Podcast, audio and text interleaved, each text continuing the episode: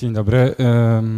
Ja się nazywam Michał Pozdał. Jestem tutaj dlatego, ponieważ od e, prawie siedmiu lat prowadzę taki projekt, e, który współtworzyłem z Małgosią Ome. To jest tak projekt Strefa Młodzieży, który polega na tym, że raz w miesiącu spotykam się z młodymi osobami, które widzę tutaj, niektórzy są, e, z liceów i rozmawiam z nimi na różne tematy między innymi na temat depresji właśnie i zaburzeń nastroju.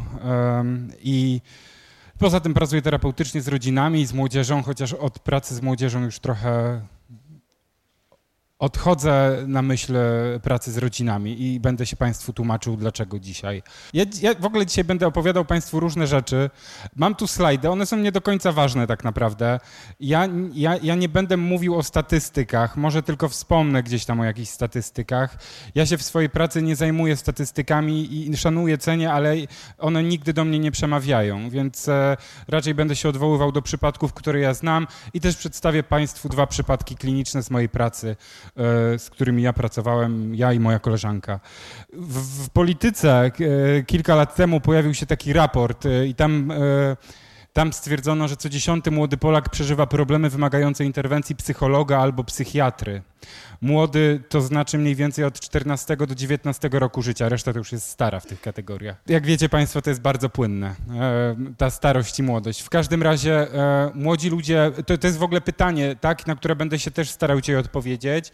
Czy to jest rzeczywiście tak, że coraz więcej młodych ludzi choruje na depresję i inne zaburzenia, na przykład zaburzenia lękowe czy zaburzenia nastroju, czy jest jednak tak, że nam się zmieniły kryteria diagnostyczne, e, mamy więcej psychologów, więcej psychoterapeutów i więcej psychiatrów, jesteśmy dużo bardziej wrażliwi na to, co młodzież czuje i co się dzieje z dziećmi i z młodzieżą. I dlatego częściej niż kiedyś diagnozujemy zaburzenia lękowe czy zaburzenia nastroju właśnie takie jak depresja. E, ja pamiętam e, moją rozmowę z doktorem e, Jasińskim, Marek, doktor Marek Jasiński jest psychoanalitykiem, seksuologiem, jest też moim superwizorem. I on powiedział mi kiedyś, że, bo ja się go właśnie spytałem, dokładnie zadałem mu takie pytanie, jak to jest, że my dzisiaj mówimy o tym, że jest więcej tych zachorowań na depresję. I e, pan doktor powiedział mi wtedy, że e, on sam ma wrażenie takie, że świat tak bardzo szaleje dzisiaj i takie rzeczy się dzieją mocne na świecie i tak dużo zmian jest, że żeby to wszystko ogarnąć, żeby się do tego przyzwyczaić, nasza osobowość potrzebuje coraz to nowej psychopatologii, żeby sobie z tym poradzić. I dlatego on uważa, że właśnie jednak jest tak, że coraz więcej ludzi przybywa chorych. E ja myślę, że rzeczywiście, jak dzisiaj będę mówił o tym, to chciałbym też, żebyśmy, e, żebyście Państwo mieli kontekst tego, w jakim świecie my żyjemy, bo rzeczywiście pewne rzeczy, które się dzieją dzisiaj, ileś lat temu się po prostu nie zdarzały.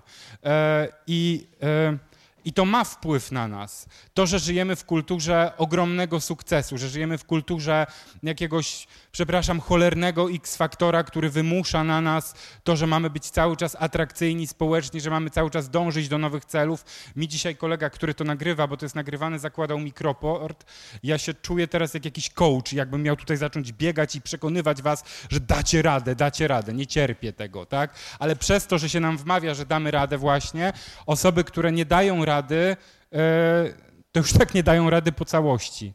E, I e, poza tym myślę, że też dzieją się takie rzeczy, i, i, i tu to, to mi cały czas przychodzi do głowy taki przykład, jakby jak to się dzisiaj dzieje w ogóle, tak jak, jak, jak to, jak my funkcjonujemy, jak my się komunikujemy ze sobą, jak to wszystko wpływa na, na to, jak się dzieci, jak się młodzież czuje. takie rzeczy, które się kiedyś nie zdarzały, to na przykład to na przykład właśnie to, co teraz mi robią tutaj, nagrywają mnie. Wcześniej myśmy się tak nie nagrywali, nie mieliśmy szansy na to, żeby nas tak nagrywać. Dzisiaj jesteśmy cały czas tak naprawdę na cenzurowanym. E, rozmawiałem ostatnio z moją koleżanką, z moim kolegą, którzy zajmują się, kolega jest psychiatrą młodzieżowym z Krakowa, koleżanka jest terapeutką rodzinną i młodzieżową z Poznania. E, oczywiście wszyscy pracują na SWPS-ie. E, I e, rozmawialiśmy sobie o, o takich przypadkach, które nas dziwią cały czas, które do nas nowe trafiają i my cały czas mamy wrażenie, że jest jednak, że, że, że, że to nagrywanie ukrywanie stwarza też różnego rodzaju możliwości i, i ryzyko. Mianowicie takie, proszę Państwa, że na przykład mamy, e, tak, mamy historię typu dziewczyna na WF-ie w liceum w Polsce Zachodniej poszła w trakcie WF-u do toalety, do szatni, żeby zmienić sobie tampon, ponieważ miała w tym dniu miesiączkę. E, jakaś jej koleżanka stanęła za parawanem czy za wieszakami, nagrała, jak ta dziewczyna sobie zmienia ten tampon, zrobili z tego zdjęcia i umieścili w internecie. Dziewczyna kilka tygodni później, próba samobójcza. Chłopak z dużego miasta w Polsce, uczeń liceum, świetnie funkcjonujący, artystycznie rozwinięty, pewnego razu idzie do toalety, żeby zrobić to, co każdy z nas, drodzy Państwo, robi. E, oczywiście musimy się tym chwalić, ale to jest czyste i tak czysto ludzkie. E, tak, poszedł się wypróżnić. Okazało się, że tam była kamera, czy ktoś to w jakikolwiek sposób nagrał. Nie wiem, jak oni to nagrali. I potem zmontowali z tego filmik i to jeszcze taki śmieszny filmik z tego zmontowali, z takimi żarcikami, no i tam powiedzmy, że ten chłopiec miał na imię e, nastolatek, tak, że on miał na imię tam Józek, no i, e, i zrobili tak, że właśnie o, Józio siada na klopie, Józio zdejmuje gacie, Józio tak wypuszcza pierwszego kleksa i tak dalej, i tak dalej. I punkt po punkcie, widzicie, widzicie no to, to jest śmieszne, nie? Tylko postawcie się w tej sytuacji z drugiej strony. U tego chłopca rozwinęły się tak potężne problemy, że właściwie po iluś tam tygodniach, a nawet miesiącach, miesiącach e, potrzebny był już psychiatra z wizytą do domu i rzeczywiście farmakologia, której ja jestem, wczesna farmakologia u młodzieży i dzieci, e, no nie jestem entuzjastą, musiała być zastosowana. Dlatego to wszystko, to wszystko, co się dzieje, ma wpływ na to, co się dzieje z młodzieżą. E, najczęstsze problemy natury psychicznej u dzieci i młodzieży, też takie, z którymi ja najczęściej pracuję, to są zaburzenia lękowe i zaburzenia nastroju, e, o depresji, ale trudno jest, no bo to są wszystko, tak jak mówimy zaburzenia lękowe, czy jak mówimy depresja, to się odwołujemy do klasyfikacji, tak? I CD10 czy DSM-5 nam się teraz już jawi w głowie, jeśli Państwo się tym zajmujecie, a wiem, że wielu z Państwa się tym zajmuje, ale... E, ale trudno jest wyizolować takie po prostu czyste, czyste zaburzenie, żeby to było tak, jak jest w klasyfikacji. Zaburzenia lękowe to mamy tak lęk, natręctwa, fobię, czy zespół stresu pourazowego. Ja tylko mówię teraz bardzo ogólnie, chcę powiedzieć szerzej o lęku uogólnionym. Bardzo częste zaburzenie dzisiaj mam wrażenie u młodzieży. Um, lęk uogólniony, wiele zmartwień związanych z tym, co może się wydarzyć. Moja pacjentka 17 lat, budzi się rano, tak jak opowiadała, budziła się rano o godzinie tak mniej więcej czwartej, piątej i od tego momentu zaczynał się lęk. E, bała się o wszystko. Bała się o to, że rodzice wychodzą z domu i nasłuchiwała, czy winda się nie zarwie, czy oni się nie zabiją. Bała się o to, czy jej siostra idąc do przedszkola nie zostanie potrącona tak z mamą, jak mama ją odprowadza przez samochód. Bała się o wszystko, cały czas. Martwiła się takimi rzeczami, które normalnie e, tak dla państwa często no, no, mówimy pierdoły zupełnie. To jest też problem w ogóle przy traktowaniu zaburzeń nastroju czy zaburzeń lękowych u młodzieży, że często dorośli jednak bagatelizują te problemy, mówiąc, a okres dojrzewania, tak, a przejdzie, a taki wspaniały okres i tak dalej, i tak dalej. No niestety nie przechodzi, a czasami nawet e, eskaluje. Lęki dotyczące, dotyczące bezpieczeństwa siebie i bliskich, ta somatyzacja, e, której, o której też potem będę opowiadał. E, nie wiem, niektórzy z Państwa pracujecie e, na pewno z młodzieżą. Ja mam takie wrażenie, że nastolatka z lękiem czy nastolatka z depresją to jest nastolatka skulona w pół. To jest nastolatka, nastolatka, która siedzi w gabinecie na fotelu i trzyma się za brzuch, a jak się pytam, co się dzieje, to mówi kobiece sprawy.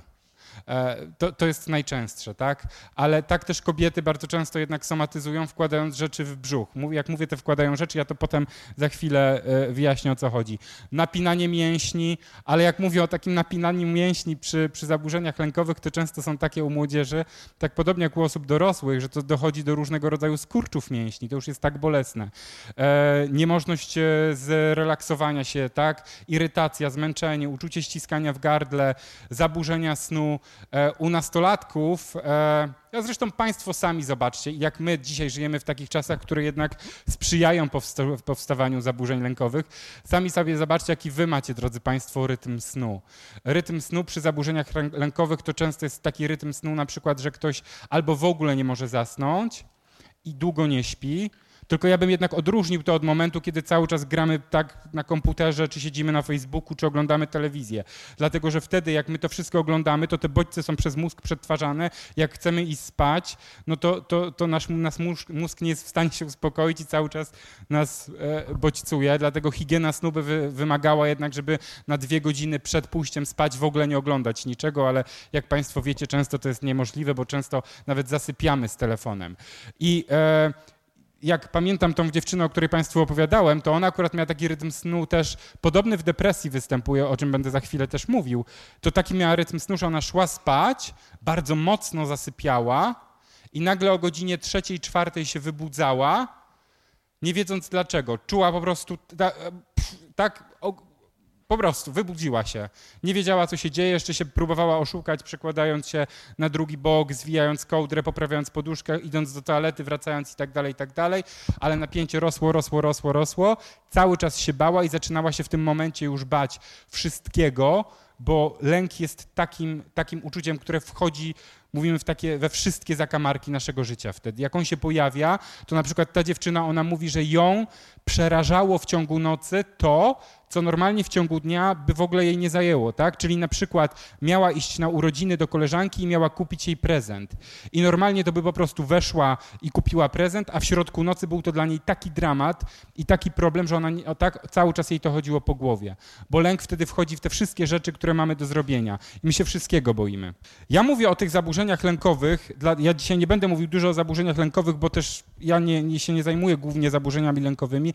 Uważam naprawdę, że od zaburzeń lękowych w przypadku młodzieży to terapia poznawczo-behawioralna. Ja pracuję systemowo i psychodynamicznie, e, a terapeuci poznawczo-behawioralni dużo lepiej sobie radzą z, z objawem, jakim jest lęk.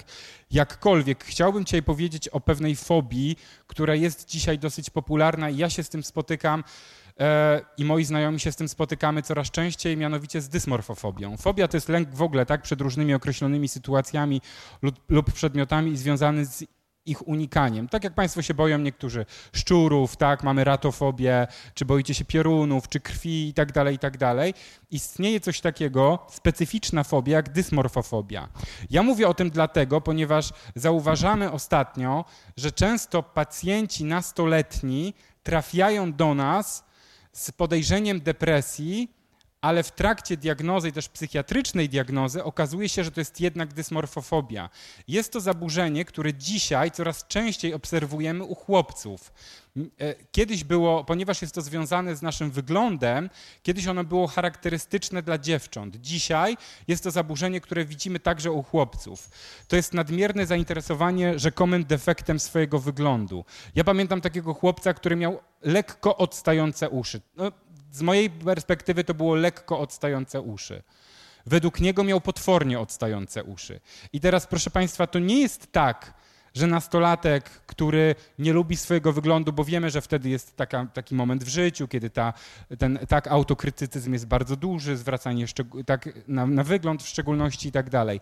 Nastolatek z, z tym problemem to, będzie, to jest nastolatek, na którego to ma realny wpływ na jego życie. Ten chłopiec, o którym mówię, tak 17, prawie 18-letni chłopak, mówił, że na przykład on się cały czas koncentrował na tych uszach.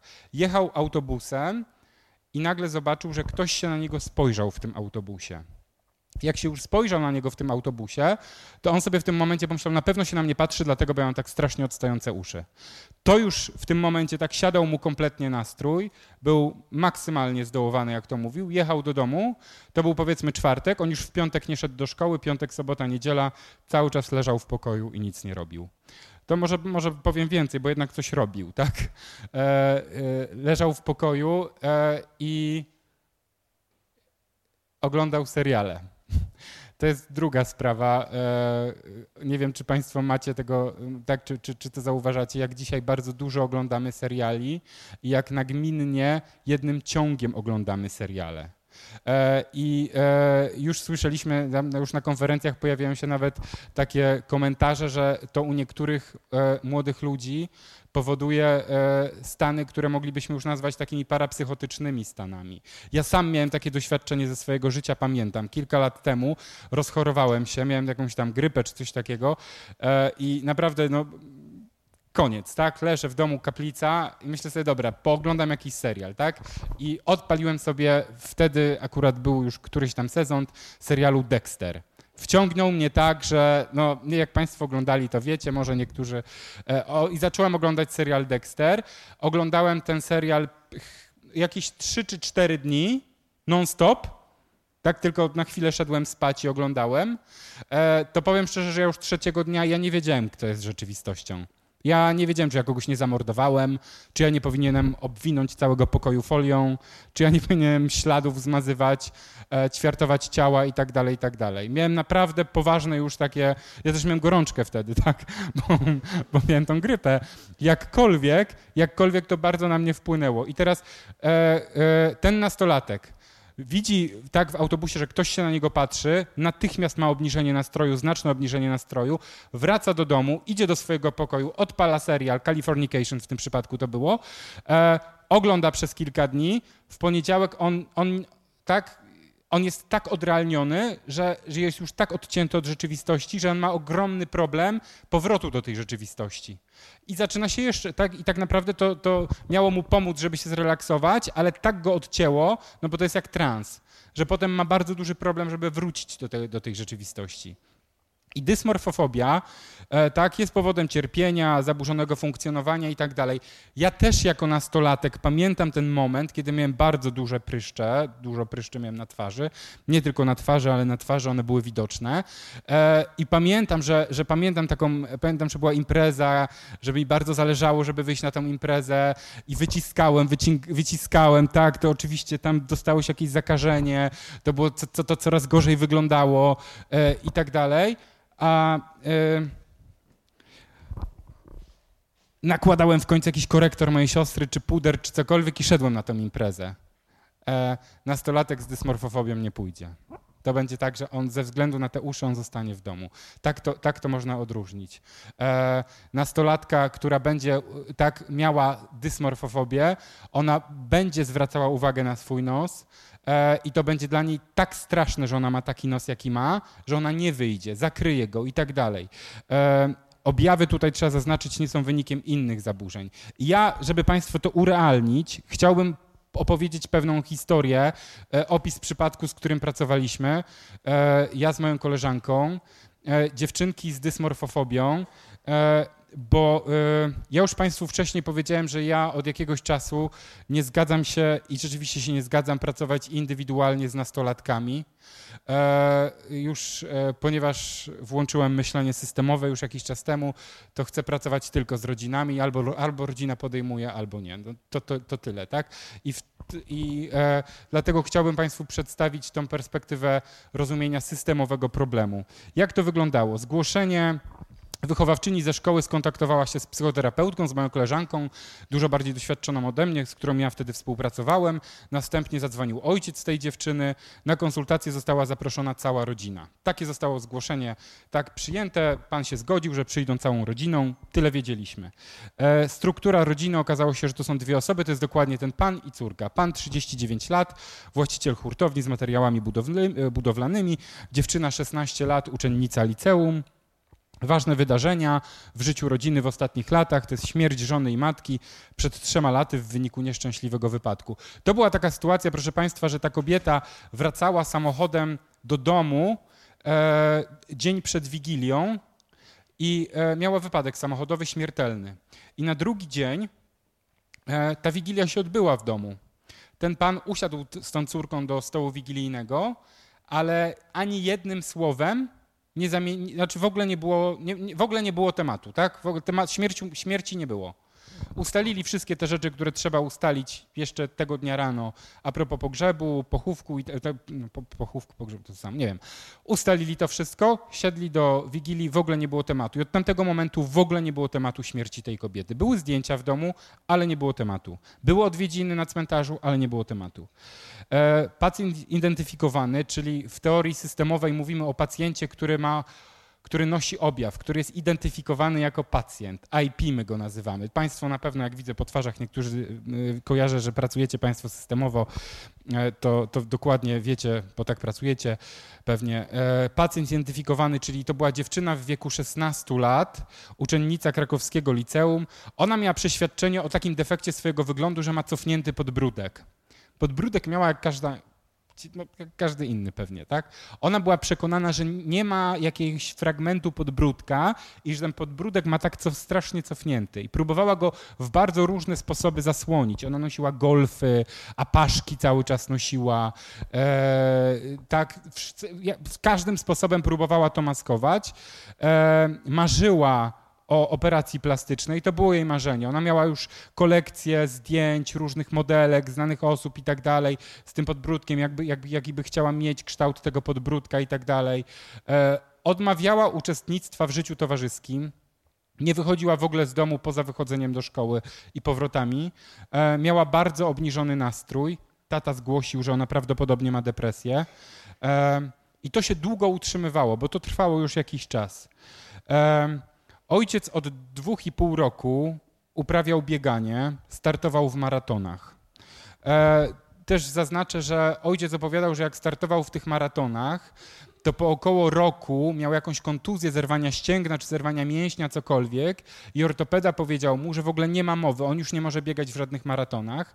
No i ten facet tak się wziął, tak się zrehabilitował i tak dalej, i tak dalej, że z bólem, ale jeździł na te wszystkie maratony i biegał na tych wszystkich maratonach, tak? Wył z bólu biegnąc, ale biegł i dobiegł i tym się chwalił. O córce w trakcie e, sesji, pierwszej konsultacji mówił moja mała pani. Mówił moja mała pani, albo moja młoda pani, albo moja pani.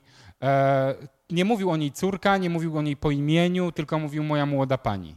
E, tak nie wiem, czy Państwo widzą, bo różne macie Państwo doświadczenie. My na to zwracamy uwagę, no bo to jest jednak traktowanie dziecka, które jest nastolatkiem, jako młodej pani, tak? E, no, jeszcze mojej młodej pani. E, I e, pan odmawiał absolutnie udziału we wspólnej terapii, ale na końcu tak. E, i chciałbym zauważyć teraz, myśmy postawili pewne hipotezy w tym przypadku, bo tak pracujemy w e, teorii systemowej, że stawiamy hipotezy, które potem w trakcie konsultacji, ewentualnie potem terapii badamy. E, przede wszystkim niedokończona żałoba po zmarłej matce i żonie, czyli e, że tak, żeby Państwu to jasno wytłumaczyć. Nie można było płakać po zmarłej żonie, ale można było zerwać sobie ścięgien, ścięgno czy mięsień i biec w maratonie i wyjść z bólu w trakcie maratonu i po maratonie. To było można. Nie można było wyjść z bólu po zmarłej matce, ale można było wyjść z bólu, zamykając się w pokoju, ze względu na to, że mam cofnięty podbródek. Na to było przyzwolenie. Tak można było płakać, tak można było przechodzić tą żałobę. E, podbródek umożliwiał tej dziewczynie w ogóle odczuwanie nieprzyjemnych dla niej emocji, smutku, cierpienia, bólu i tak dalej. Ona, to jest ciekawe też, ona pamiętam na konsultacji, ona o mamie mówiła z uśmiechem, to jakby w, w ogóle miała taką, my to często nazywamy taką twarz spikerki, tak? Kiedy ktoś w trakcie sesji opowiada bardzo trudne rzeczy z takim uśmiechem, no oglądacie Państwo telewizję, wiecie jak spikerki mówią, tak? Ja ostatnio też w radiu słyszałem, jak właśnie coś tam było, że ileś tam wypadków śmiertelnych i tak dalej, i tak dalej, i tak dalej, tak, a przy okazji jakieś inne wiadomości. E, no i nasza główna hipoteza oczywiście, dziewczyna jest już w pełni rozwiniętą młodą kobietą. Ona była 16-letnią młodą kobietą. O tym, że ona, drodzy Państwo, patrzcie, myśmy to zrozumieli w ten sposób, ten objaw dysmorfofobii, że ta dziewczyna jako młoda, młoda kobieta w momencie, kiedy była tak skoncentrowana na tym podbródku, i leżała sobie w pokoju i płakała, to dzięki temu objawowi ona się na powrót stawała małą dziewczynką, którą trzeba było się zajmować. Czyli już tak używając psychologicznych nazw, można powiedzieć, to ją regresowało do stanu małej dziewczynki, tak? Tu, mamy tutaj przed sobą 16-letnią dziewczynę, młodą kobietę, ale dzięki temu, że ona właśnie miała tą dysmorfofobię, to ją regresowało do stanu, kiedy ona była malutką dziewczynką, leżała w pokoju, płakała, a tatuś mógł do niej przychodzić, głaskać po główce i pocieszać. Ale też dzięki temu e, to, co się działo, uniemożliwiało tej dziewczynie rozpoczęcie kontaktów rówieśniczych, w tym kontaktów intymnych. Czyli ta dziewczyna nie podjęła jeszcze swoich zadań rozwojowych. Zadania rozwojowe, tutaj odwołam się do teorii Hewig-Hursta, tak? Na każdym etapie życia mamy jakieś zadania do wykonania w życiu. E, trochę tak, że musimy odhaczyć jakieś bazy, żeby przejść do następnych. I e, osoby nastoletnie między innymi mają za zadanie nawiązanie nowych, dojrzałych kontaktów rówieśniczych. Ta dziewczyna przez to, że siedziała w pokoju, że była tak skoncentrowana na tym, że nie ma tego podbródka, nie podejmowała tego. Dlatego była taką idealną, trochę też zastępczą partnerką dla swojego ojca. I e, terapia nie odbyła się, to była tylko jedna konsultacja. Dwa spotkania indywidualne odbyły się przed wakacjami z tą dziewczyną. Mieliśmy konsultację rodzinną, czyli ojciec z córką. Tata się nie zgodził na terapię i terapeutka zgodziła się przyjąć tylko dziewczynę. E, dziewczyna pojawiła się dwa razy, za każdym razem była odwożona i odbierana przez ojca. Po wakacjach nie pojawiła się. E, I my tak, proszę Państwa, w teorii systemowej rozumiemy objaw. I tak za chwilę będę mówił o depresji. Że dysmorfofobia to jedno, ale my pytamy, co to oznacza, tak? Bo w tym przypadku to, że ta dziewczyna miała tą dysmorfofobię, że miała taki stan, jaki miała, to pozwalało im na to, żeby żyć sobie w swojej rodzinie z tatą, bez tak naprawdę żadnej zmiany, tak? Czyli system zostaje zachowany, nie ma zmiany. Ona się regresuje do małej dziewczynki e, i tatuś może się nią cały czas zajmować. I jak Państwo wiecie, bo znacie takie sytuacje z własnego życia, z własnych rodzin, z, własnych sąsiadów, ze znajomych i tak dalej, takie przykłady Państwo znają ze swojego życia. Dorosłe dziecko, które się całe życie opiekuje ojcem, matką nie podejmuje tak swoich zadań, albo ojciec, matka, które się całe życie opiekują swoim dzieckiem. E, tak i dzięki temu ten system jest zachowany, bo w myśl teorii systemu on dąży do tego, żeby zachować homeostazę.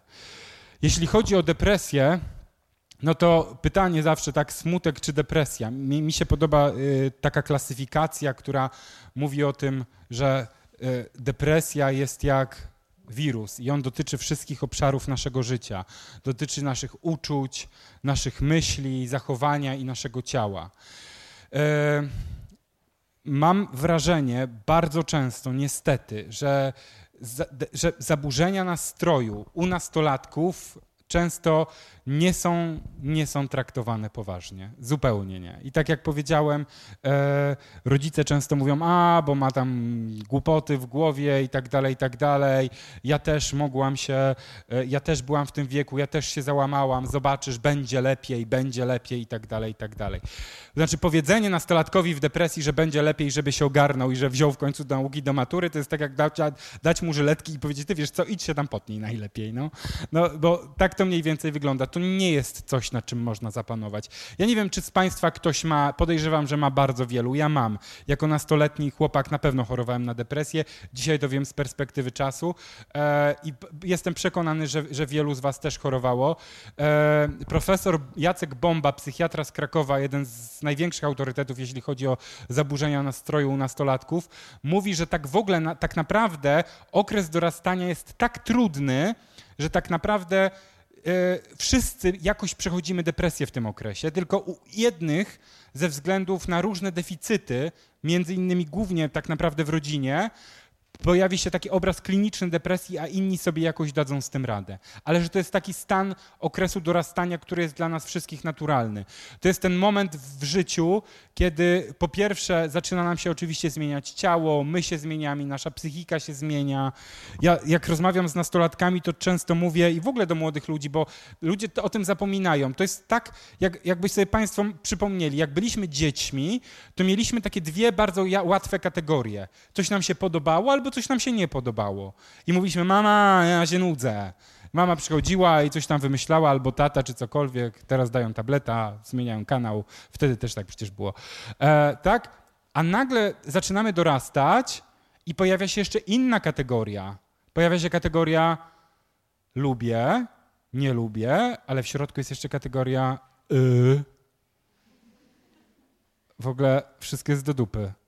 Nic mi się nie chce w ogóle co oni do mnie mówią i tak dalej, i tak dalej. I niektórzy jeszcze mają takie skłonności w okresie dorastania i wy też niektórzy tacy byliście, że lubiliśmy ten stan. Że lubi, ja, ja pamiętam, jak byłem w tym stanie i wchodziłem w taki okres takiego dołowania się, z jakichś powodów, no, na mojej dorosłej terapii wyszło dlaczego, ale e, 10 lat mi to zajęło e, analitycznie, więc dlatego tak długo. E, ale, ale wiem, że jak miałem taki okres, że nic mi się nie podobało, to ja pamiętam sobie, zakładałem słuchawki na uszy, słuchałem wtedy Patti Smith i, i się, i, i bo, o, o, kochałem to, kochałem ten stan. Pamiętam Portishead słuchałem, nie wiem, czy państwo kojarzycie e, tak, tą, tą muzykę. Taka, e, w, tak, wczesnych płyt Björk słuchałem i, i, i dalej lubię tę muzykę, ale do dzisiaj, jak, jak ją słyszę, to, to mi psuje nastrój, że tak powiem, ale lubiłem utrzymywać się w tym stanie, lubiłem. E, więc jakby wszyscy mamy jakieś predyspozycje do tego. Ja nie mówię, że to akurat jest wyznacznikiem depresji, ale ten okres jest trudny. Poza tym jest dojrzewanie płciowe, które się, które się u nas dzieje. Tak, równolegle z tym. Dojrzewanie płciowe znowu, jeśli to spłycimy, znaczy spły, nie, nie, nie, nie chcę spłycać, chcę tylko uprościć, tak? Wcześniej znowu było tak, że bawiliśmy się z kimś, poznawaliśmy kogoś i mieliśmy dwie kategorie, nie? Lubię albo nie lubię. A, lubię Kasię, a Jacka nie lubię i tak dalej, i tak dalej. Dojrzewamy i nagle jest trzecia kategoria. Aha, działa na mnie, podoba mi się, chcę dotykać, tak? Chcę i to, to są wszystko napory, z którymi musimy sobie radzić. Nagle nasz nasze ciało zaczyna inaczej funkcjonować, zaczynamy inaczej pachnieć, inaczej, inaczej smakować i, i sobie nawet, tak? Nie, e, ja pamiętam swoje własne zaskoczenie, jak bawiłem się kiedyś z moją kuzynką, musiałem mieć 12-13 lat i coś było takiego, że ona mnie nagrała na magnetofon. Ja nagle usłyszałem swój głos. I się okazało, że ja już mam głos po mutacji. Ja nie rozpoznałem swojego głosu. Ja byłem w takim szoku, że to cały czas odtwarzałem. Ja byłem cholernie dumny wtedy z tego. Bardzo byłem dumny z tego. E, no bo nagle się okazało, a mam taki już głos męski bardziej i tak dalej. E, po, nasze ciało się zmienia i to też bardzo różnie na to reagujemy. Inaczej reagują chłopcy, inaczej dziewczyny na to reagują. E, chłopcy, ponieważ ja, ja osobiście uważam, e, że, że w ogóle rozwój psychoseksualny chłopca jest w naszej kulturze wspierany, dziewcząt raczej represjonowany. Wiele dziewcząt wchodząc w okres dorastania ma problemy z tym, że dorasta. E, nie najlepiej przyjmuje to, że piersi rosną, że się ciało zmienia i tak dalej. Dodatkowo jeszcze ci idioci w gimnazjum, jakim strzelają ze staników, dziewczyny wiecie o czym mówię, e, tak, no nie ułatwia to wszystko sprawy. E, chłopcy się cieszą. Ja pamiętam, ja i mój kolega Leszek mieliśmy piersi włosy na nogach. Byliśmy tak dumni, że nie wiem, no. I, ale to są zmiany, które się dzieją i to na nas działa i my to, przez to wszystko przechodzimy my, i, i to się dzieje nagle. Nagle i nagle otoczenie na nas reaguje, my na siebie reagujemy. Pamiętam, jak poczułem, że śmierdzę na przykład. Naprawdę, pamiętam taki moment, kiedy jako nastolatek bawiłem się z moim kolegą. Miałem 11 czy 12 lat, siedzieliśmy u niego w domu i graliśmy w gry komputerowe i poczułem, że coś śmierdzi. I sobie myślę, kurde, ale on śmierdzi. Ale coś tu w tym pokoju śmierdzi. Ale mu nie powiem przecież, nie? No i siedziałem u niego ze dwie godziny, wróciłem do mnie do domu. Odpaliłem sobie u siebie komputer, bo takie ambitne zabawy cały czas miałem. E, I nagle sobie myślę, kurde, coś dalej śmierdzi. To ja, to ja śmierdzę. Ja się muszę myć częściej, ja muszę używać e, dezodorantów, ja muszę zmieniać skarpetki, tak? Ja muszę się myć po WF-ie, jak wychodzę ze szkoły, bo moje ciało już jest zupełnie inne. I e, i jeśli, tak, je, jeśli ja jestem gotowy do tych zmian w tym okresie, jeśli ja mam też wsparcie od otoczenia, od rodziny, to jest mi dużo łatwiej. A wiecie Państwo, no macie, i sami wszyscy jesteście z bardzo różnych rodzin. E, wszyscy jesteśmy z różnych rodzin. Niektórzy rodzice was wspierali. Ja często w pracy z nastolatkami na wykładach pytam się, czy wasi rodzice wam mówią, że jesteście ładni i mądrzy? A oni mówią, no co pan, pan żartuje i tak dalej, i tak dalej. Niektórzy mówią, że mówią, no to trzeba, no tak, to jest, to jest ważne. To jest ważne, żeby w tym okresie to słyszeć. Nawet jak, jak mamy takiego rozwrzeszczanego bachora, to to jest cały czas ważne. E, ko, moja koleżanka, dzisiaj bardzo szanowana e, doktor psychologii, już niedługo habilitowana, jak e, była w okresie liceum i wymyśliła sobie, że pojedzie studiować do dużego miasta psychologię, to przed maturą przyszła do mamy i powiedziała, mamo, chcę pojechać do miasta X i studiować psychologię. A mama do niej mówi tak, kochanie, przecież tam na tym uniwersytecie jest tyle dużo, tak wiele ładnych, mądrych dziewcząt. Gdzie ty będziesz tam jechała? Hmm? 6 lat terapii. Oczywiście teraz się śmieję w dużym uproszczeniu, tak, ale no, no tak, proszę Państwa, ta i właśnie to też tak e, na to między innymi profesor Bomba zwraca uwagę, że adekwatna opieka jest tutaj kluczowa. Adekwatna opieka to jest taka, która dostarcza, dostarcza dziecku wsparcia. Więc smutek czy depresja, jeśli chodzi o uczucia, to jest przede wszystkim lęk, smutek, rozdrażnienie, przy czym w, w zaburzeniach nastroju, przy depresji okresu dorastania, dominującą emocją, do, dominującym uczuciem będzie smutek plus rozdrażnienie, o czym za chwilę powiem. Anhedonia, czyli e, brak odczuwania przyjemności w ogóle, nic już nie cieszy. Wszystko przestaje, przestaje cieszyć.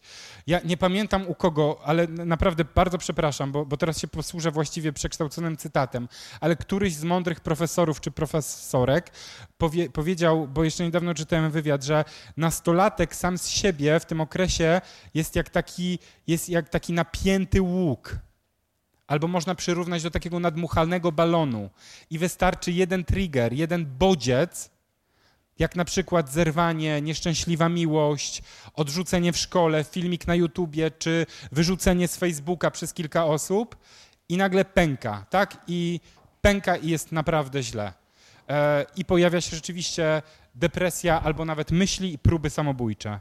E, anhedonia to jest można na to zwrócić uwagę u nastolatków, kiedy się prześledzi ich życie, dlatego diagnoza depresji, której dokonuje psychiatra, jest naprawdę żmudna i skomplikowana, bo ten wywiad powinien być bardzo dokładny. E, patrzymy na to, jak się nastolatek zachowywał wcześniej, jak się zachowuje obecnie. E, często jest tak, że to była dziewczyna, która e, wykonywała, nie wiem, miała jakąś pasję, robiła coś, a nagle kompletnie straciła zainteresowanie do tego, już w ogóle jej to nie cieszy. Tylko, że trzeba brać pod uwagę, drodzy Państwo, to, że jak zobaczycie na te wszystkie rzeczy, tak, na te wszystkie uczucia, które ja tutaj wymieniłem, no to one oczywiście też mogą się pojawić przy nieszczęśliwym zakochaniu. Oczywiście, że tak, ale nieszczęśliwe zakochanie może się przyczynić do rozwoju u nastolatka, tak? Nie można tego, nie, nie można tego bagatelizować. Bezradność, apatia, marazm, takie otępienie. E, pamiętam e, dziewczynę, z którą też, e, kobietę już teraz, z którą pracował, pracuję i ona mówiła, że jako nastolatka, bo cierpi na depresję długie lata, mówi, że miała takie momenty, kiedy w takich stanach, kiedy było naprawdę źle, jedyną rzeczą, którą ona była w stanie robić, to leżeć i patrzeć w sufit. Ona mówi, że nie wie, co wtedy czuła tak naprawdę. Ona po prostu wie, że mogła tylko patrzeć w sufit wtedy. Mm, myśli, nic się nie zmieni, jestem beznadziejny, wszystko jest do dupy, życie jest jednym wielkim koszmarem. To są bardzo ładne rzeczy, które, to znaczy w sensie takie grzecznie tu wypisałem. Ja wie, widzę, że Państwo niektórzy, bo, bo też wiem, e, pracujecie z nastolatkami i wiecie, że tych haseł jest dużo więcej. I to bynajmniej nie jest dupa. Tak? E, pamiętam takiego chłopca, który siedział naprzeciwko mnie w fotelu i przez kilka pierwszych sesji cały czas mówił, wiecie Państwo, że jest takie słowo na H, Niektórzy myślą, że jest na samo H, ale jest na CH i niektórzy kojarzą z policją. Chwała na przykład. I on cały czas siedział w tym fotelu i mówił wszystko H, wszystko H, wszystko H. I tak kilka sesji cały czas wszystko H, wszystko H, wszystko H, wszystko H. E, ja jestem zwolennikiem jednak tego, bo wiem, że Państwo też różnie pracujecie, jeśli pracujecie terapeutycznie na przykład, ale ja jestem zwolennikiem tego, że w pierwszych miesiącach terapii nastolatka pozwalam na przeklinanie, e, bo uważam, że to jest bardzo ważne, a, a później staramy się to zastąpić. Ja będę o tym za chwilę mówił e, przy somatyzacji. Nic się nie zmieni, tak, że to już jest taka, no, że to już taki kompletny kompletny dół bagno. Ale y, ja cały czas będę podkreślał, drodzy Państwo, to się nie bierze znikąd. Cały czas mam w głowie takiego jednego chłopca, często opowiadam o tym przypadku, bo to jest dla mnie kluczowa sprawa. Pamiętam rodziców, którzy przyszli kiedyś do mnie na konsultację w sprawie chłopca. E, i ja właściwie nie wiedziałem, w jakiej sprawie oni do mnie przyszli, ci państwo, bo, bo, zgłoszenie było takie, że chłopiec chyba ma depresję, ale jak przyszli państwo i zacząłem z nimi rozmawiać, to problem, który słyszałem od nich, był zupełnie inny. Mianowicie taki, że ci państwo cały czas mówili o tym, że ten chłopiec jest tępy. E, siedziała mama i siedział tata i mówili, że mają takiego syna, on jest właściwie, wie pan, jest taki, jest tępy. Mhm, dobrze. E, no, państwo mają starsze dzieci, bardzo wykształcone, państwo są bardzo dobrze wykształceni, przynajmniej na poziomie habilitowanym. E, I cały czas o tym, że ten syn jest tępy i tępy i tępy, tępy i tępy i tępy i w ogóle i w ogóle jest ćwok i tępy i tak dalej. E, no i pytam się w końcu tej pani, mówię, proszę pani, a czy jest jedna rzecz, taka jedna pozytywna rzecz, którą pani może powiedzieć o swoim synu? On ma, wie pan, on ma takie oczy, takie, a ten mąż, tępe, tępe spojrzenie. Ta, pani chciała coś powiedzieć, no dynamika tej relacji była taka, jaka była. E, i koniec konsultacji. Wtedy jeszcze nie pracowałem tak, jak teraz pracuję. Przyszedł ten, ten, ten chłopak, 16 lat, przychodzi do mnie na sesję, wchodzi, e, spotykam go pierwszy raz. Mam problem w tym momencie, bo patrzę, jak on wygląda i macie sobie, macie przed, sobie, ja mam przed sobą chłopaka, który jest, niektórzy chłopcy tak mają, e, że już dorośli, już, już, już przekwitają albo nawet pokwitli, tak? Ale cały czas tego nie percepują. I te dresy, które nosili w gimnazjum, cały czas noszą, mimo tego, że już są w końcu liceum. I mają takie przykrótkie spodnie, przykrótkie bluzy i tak dalej. Dla nas to jest informacja, tak? To jest chłopak, który nie dba o swój wygląd. Jak mówię nie dba o swój wygląd, mi nie chodzi o to, żeby on chodził cały wyżelowany jak ja teraz i tak dalej, i tak dalej, tak? Nie o to mi chodzi. Ale realnie, proszę Państwa, jeśli mam w gabinecie chłopaka, który w ten sposób wygląda, to ja muszę się, ja, ja, ja wiem, jak go traktują w szkole. E, bo rzeczywistość w szkole jest okrutna. I jak on w tych dresach, gdzie mu wszystko tu odstaje, gdzie ma plamy i tak dalej, i tak dalej, idzie do szkoły i pachnie tak, jak pachnie, bo ewidentnie pa brzydko pachnie, to ja się domyślam, jak go w szkole traktują. E, no i siedzi ten chłopiec, siada naprzeciwko mnie, patrzy się i tak się patrzy. Takim wyrazem twarzy, jak mama mówiła. I ja, moja pierwsza myśl, przyznaję się bez bicia, moja pierwsza myśl, która mi weszła do głowy, tępy. Tak, superwizowałem, absolutnie potem długo superwizowałem to. Wiem, sprawdza się, samospełniające się proroctwa mamy, terapeuta też człowiek. E, musimy sobie z tym poradzić, tak? E, pierwsza sesja, prawie w ogóle się, nie, w ogóle się nie, odezwał, nie odezwał ten chłopiec. Przychodzi na drugą konsultację, przyszedł. To już była informacja dla mnie, przyszedł. Ja jestem przygotowany, przyszedł. Ja tamtego dnia, kiedy przyszedł na drugą konsultację, byłem rano u fryzjera, drodzy Państwo. I to jest istotne, dlatego że, e, że ja wtedy miałem taką fryzurę, ja się zbliżam do 40, można to nazwać kryzysem na przykład. E, miałem taką fryzurę, że miałem tak wygolone boki, włosy do tyłu. I to był moment, no, trudno no, e, i to był moment, w którym Miley Cyrus wypuściła teledysk Cracking Ball, latała na kuli i miała podobną fryzurę ja nie zrobiłem tego celowo, ale jakoś tak się złożyło. I siedzę naprzeciwko tego chłopca, on się na mnie patrzy, mija 20 minut sesji, sesja trwa 50, więc ja patrzę, jeszcze zostało 30. I on się tak patrzy, patrzy, patrzy i nagle mówi do mnie, u fryzjera był. Ja mówię, uff, coś się dzieje. I myślę, szybko myślę, myślę, myślę, myślę, myślę i teraz zadaję najgłupsze pytanie, jakie można postawić, tak? Jaki terapeuta może spytać pacjenta. Moim zdaniem najgłupsze, ale tonący brzytwy się chwyta. I pytam się go, i jak? a, a on do mnie mówi, podstarzała Miley Cyrus. tak. I, I, ja się zacząłem, zacząłem się bardzo śmiać z tego, bo mi się to szalenie spodobało.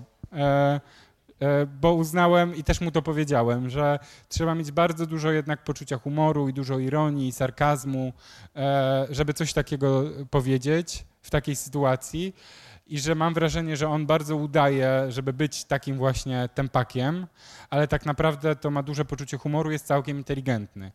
E, I, nie powiem, że to tak się od razu stało, tak? bo to tak jak w serialu In Treatment, nie? że tam macie Państwo siedem odcinków i wow, nie? Po, siódmym, po, po siódmym odcinku nagle jest objawienie w terapii. No tak się nie dzieje.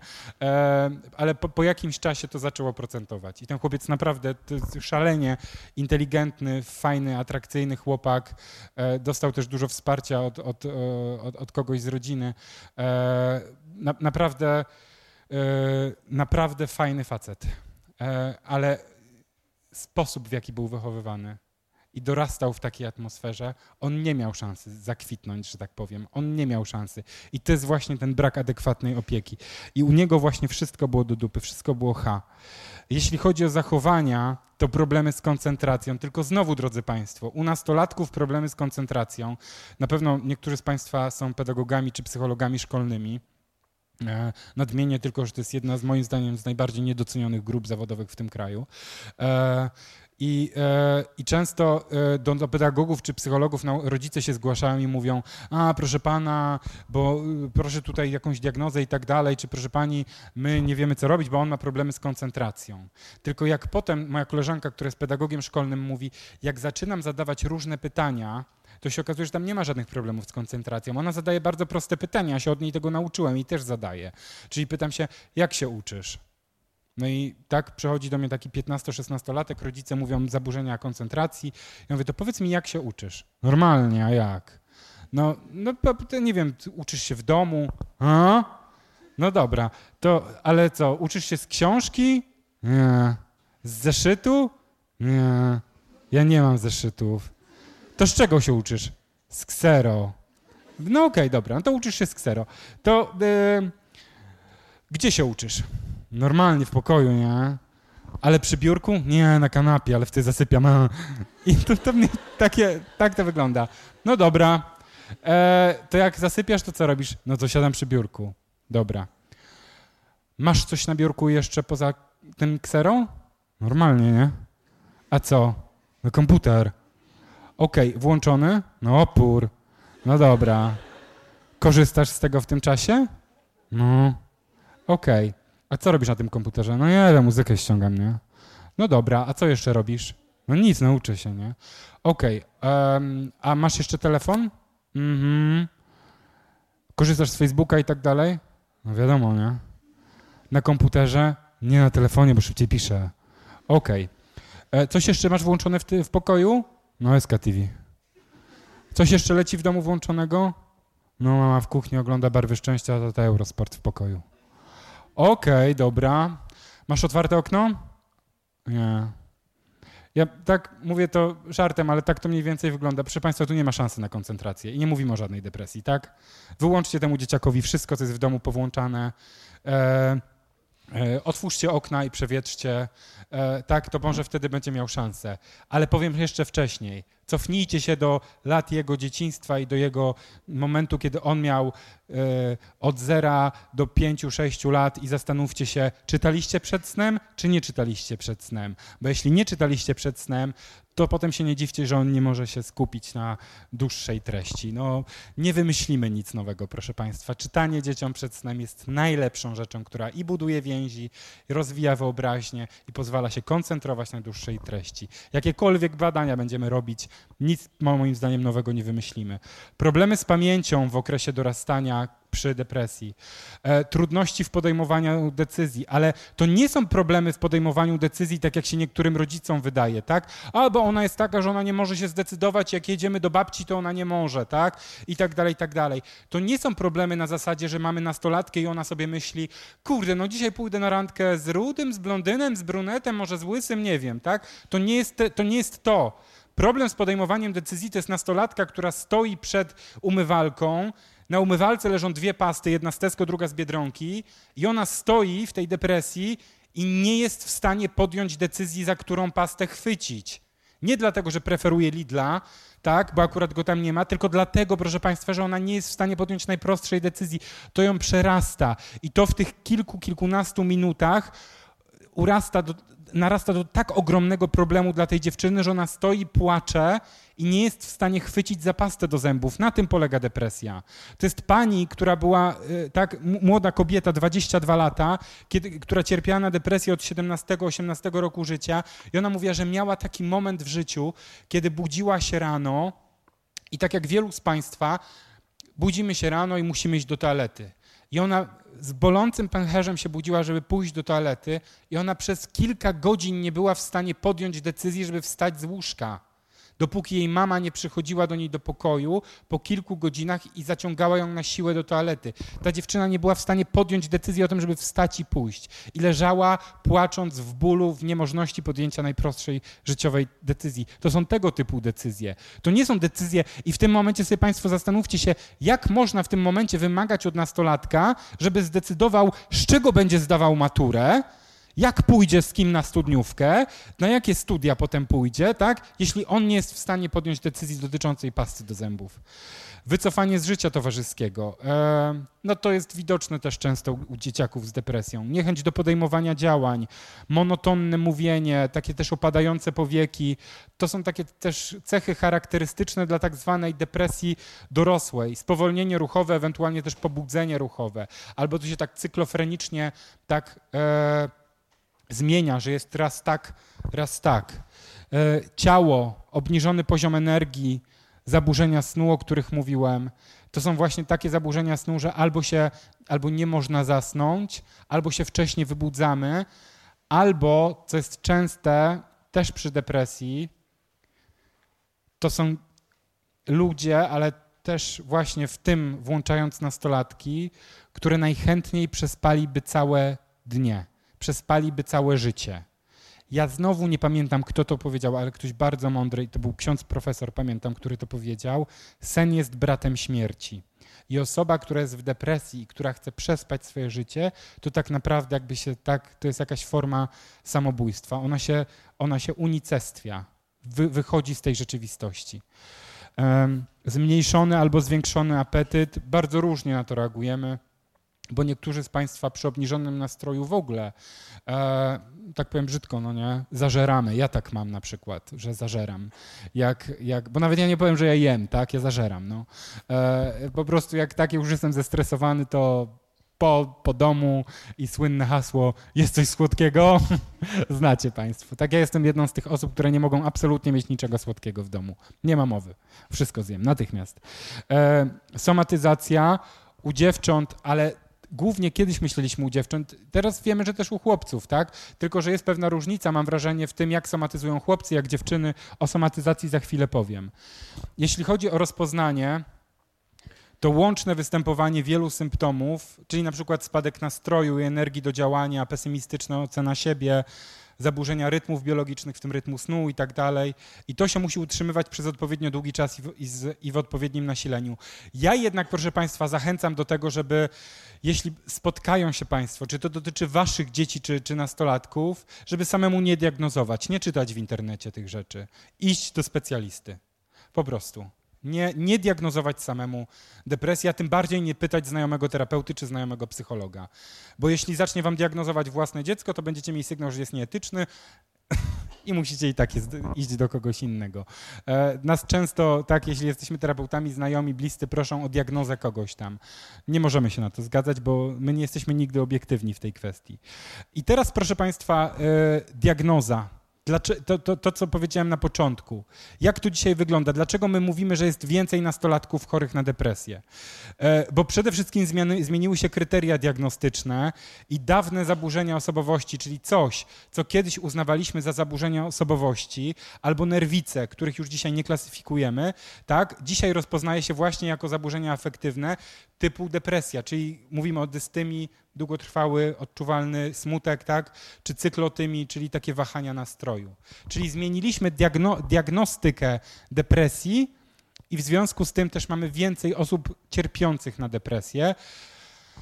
Tak się można do tego odnieść. Zmiana też podejścia psychiatrów, którzy zajmują się dziećmi i młodzieżą. Proszę Państwa, depresję, jak dzisiaj pewnie już też wcześniej na konferencji było mówione, zaczęto tak naprawdę diagnozować u dzieci, u młodzieży dopiero w latach 50., 60., a w szczególności 70. E, a jak Państwo czytali różną literaturę, jeśli Państwo otarli się kiedykolwiek o e, wiersze z młodości Sylwii Plath czy Anne Sexton, czyli tak zwany nurt konfesyjny w, w poezji, to, to, to, to, to, no to tam mamy idealne tak naprawdę przypadki tak, e, młodych, młodych dziewcząt, lata 50., lata 60., cierpiących na depresję.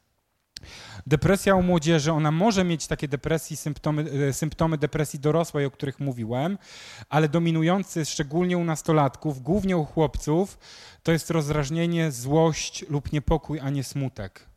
Nastolatek w depresji, chłopak najczęściej, to jest nastolatek wściekły, chamski, arogancki, bezczelny, opryskliwy.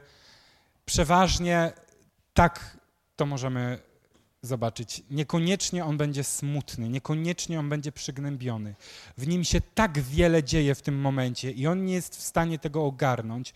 On nie rozumie tego, co się z nim dzieje na poziomie emocjonalnym, tak? intelektualnym, nie jest w stanie tego, tego ogarnąć, że te wszystkie zachowania buntownicze właśnie, rozumiane jako normalny punkt okresu dorastania, tak naprawdę one oznaczają u niego depresję. E, nastolatki często łatwo się męczą wtedy, unikają szkoły, e, pogarszają się wyniki w nauce, tak?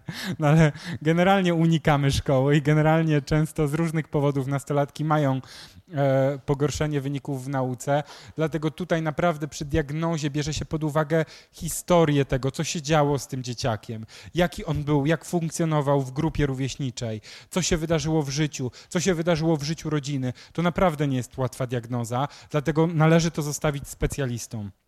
E, jeśli chodzi o somatyzację, to e, somatyzacja, czyli przekształcanie jakiegoś stanu emocjonalnego w objaw ciała, mówiąc najprościej.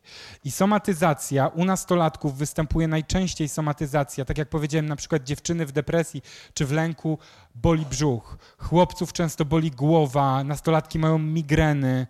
E, tak, nastolatek ma migreny, rodzice jeżdżą po lekarzach, e, robią EEG głowy, rezonans magnetyczny, wszystko jest ok. Aż w końcu za dziesiątym lekarzem lekarz nagle powie, idźcie z nim do psychoterapeuty, tak? Albo idźcie do psychiatry. I nagle się okazuje, że pod tym wszystkim właśnie jest depresja czy zaburzenie lękowe. E, migreny, bóle w klatce piersiowej u chłopców, e, u dziewcząt głównie brzuch, ale u chłopców też oczywiście brzuch. E, dziecko nie wykształciło umiejętności radzenia sobie z emocjami, które go dopadły i nastolatek podobnie, tak? Proszę Państwa, jak wy jesteście już, tak jak patrzę, są Państwo dorosłymi ludźmi i dorosły człowiek, jeśli jest emocjonalnie prawidłowo rozwinięty, jeśli poczuje smutek, to będzie wiedział, że to jest smutek i powie: Jestem smutny. Jestem smutny, bo się dowiedziałem, że bliska mi osoba zachorowała. Jestem smutny, bo dzisiaj pada deszcz, a ja nie cierpię deszczu. Jestem smutny, bo wiemy, mniej więcej znamy przyczynę i umiemy określić ten stan. To nie zmienia faktu, to nie zmienia faktu, że dalej możemy być chamscy do naszych małżonków, partnerów i tak dalej, i tak dalej, tak, czy współpracowników, ale wiemy to i wiemy, jak wyrazić ten smutek. Wiemy, że wtedy na przykład, nie wiem, możemy, sobie, możemy się położyć, e, tak, albo pobyć w domu, posłuchać muzyki, cokolwiek. Nastolatek, który ma taki dojmujący smutek, nie wie, co z tym zrobić, w ogóle tego nie ogarnia, tak jak dziecko, tak, i, bo, bo nie ma nawet, nie, nie umie tego wyrazić i wtedy właśnie wkłada to w brzuch i boli brzuch, boli głowa, tak, ale też patrząc na to, jak, jak wygląda ta somatyzacja, no to jakby nie było, jak Państwo, no, no bo mamy nastolatka, którego nagle zaczyna boleć brzuch, tak?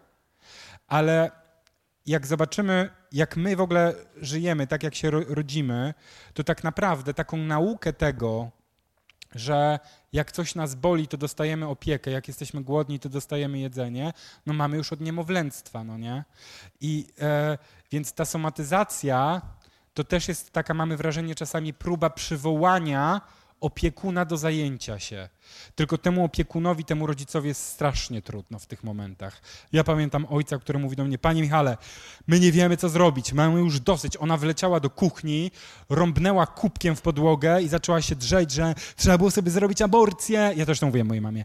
Trzeba było sobie zrobić aborcję, ja się nie prosiłam na ten świat i tak dalej, i tak dalej. Po czym wyleciała z kuchni, nie minęły trzy minuty, a ona woła, tatuś, zawieziesz mnie do miasta? I to są, tak, to są takie huśtawki w okresie dorastania i niektórzy Państwo doskonale wiecie, e, o co chodzi, bo macie nastolatków w domu albo pracujecie z nastolatkami. Ale e, jest, to szczególnie, jest to szczególnie ważne w momencie, kiedy nastolatek somatyzuje, żeby rozumieć ten objaw, żeby rozumieć to, co się z nim dzieje.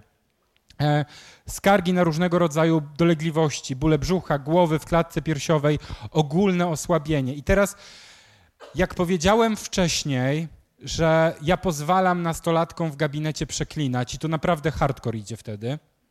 E, sobie czasami takie nowe słowa spisuję, bo ja ich nie znam wszystkich, się uczę dużo. To e, podobnie jest z tą somatyzacją, że e, ja pozwalam na te wszystkie K i H i tak dalej, i tak dalej, ale po jakimś czasie staramy się zastąpić to K tym, co się, co, co się dzieje w emocjach, czyli jakie emocje za tym stoją, tak? E, tak samo z tym bólem brzucha. Jeśli przychodzi i mówi, Boże, jak mnie brzuch boli, jak tu szłam, to cały czas mnie brzuch bolał, w ogóle nie mogę się skupić i tak dalej, i tak dalej, to jest podobnie jak z tym przeklinaniem, mam wrażenie, tak? Że jeśli damy potem, damy umiejętność, na przykład, wiesz co, dzisiaj jest taki dzień, że właśnie pada, jest szaro, ponuro, ja myślę, że ja się dzisiaj na przykład, mam wrażenie, że no nie trudno jest dzisiaj być smutnym. Może, się, może jesteś smutna po prostu, tak? E, ja teraz mówię jakąś minimalną tak, o, o, ta, tak interpretację, kiedy poz, po, pokazujemy takiemu nastolatkowi, dziecku, jak nazywać te emocje, bywa tak, jeśli ta praca się dobrze układa, że już nie mamy tych wszystkich K i H, tylko nastolatek przychodzi i mówi, ale jestem dzisiaj wściekła kurde, ale jestem wściekła, tak? Ale nie mówi już tego wszystkiego, co mogłaby powiedzieć, bo już umie określać swoje emocje. To jest zadanie, które też mamy, tak, które mają rodzice, no, przed dzieckiem. Chłopiec wchodzi do pokoju, tak, i zaczyna krzyczeć, e, tak, tak, bo przyjechała babcia na przykład, a mama wchodzi i mówi, ale głośno krzyczesz, musisz się bardzo mocno cieszyć, że babcia przyjechała, tak?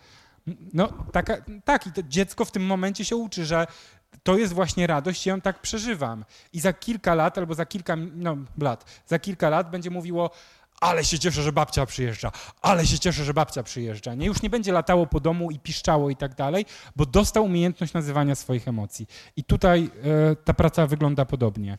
Skłonności autoagresywne, jak samookaleczanie, ale jak mówię samookaleczanie, drodzy Państwo, to mi nie chodzi przy samookaleczeniu o to, że ktoś sobie zrobi, nie wiem, KJ, e, tak, pineską, bo się zakochał w Kamilu Jaworskim, e, no bo takie rzeczy się czasami robiło.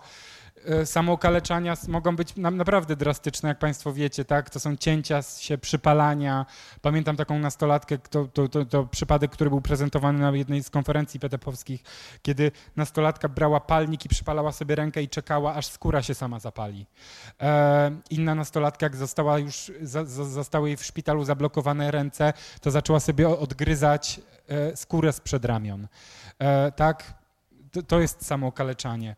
Samookaleczanie też przywołuje rodziców, to jest też jakiś sygnał, ale to jest tak mniej więcej często jak z anoreksją. W rodzinie się tego, rodzicom trudno to zobaczyć z różnych powodów. Nie dlatego, że celowo nie chcą, tak? Ale to jest trudno zobaczyć. Tak to się dzieje.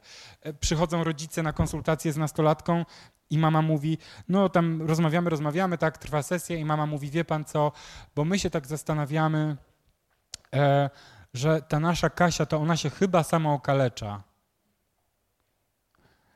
Kasia, okaleczasz się? No nie. No ale ma tam jakieś strupy, wie pan, pod tą bluzą to ona ma jakieś strupy. Kasia, możesz podciągnąć rękaw? Kasia podciąga rękaw, a tam po prostu macie państwo jedną wielką, żywą ranę, tak?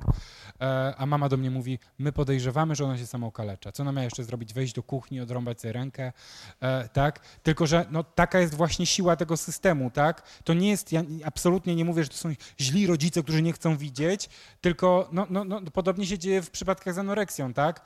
Tata mówi, no bo wie pan, my mamy taki problem, bo ona ostatnio cały czas jest na diecie, po czym lekarz ładuje ją na wagę i natychmiast dzwoni po pogotowie, bo jest zagrożenie zdrowia i życia, tak? A ona się, no bo ona się tam trochę odchudza i cały czas jest na jakiejś diecie. A mamy dziewczynie, dziewczynę, która tak naprawdę skona za chwilę, bo, bo jest już w, w tak w zaawansowanej anoreksji.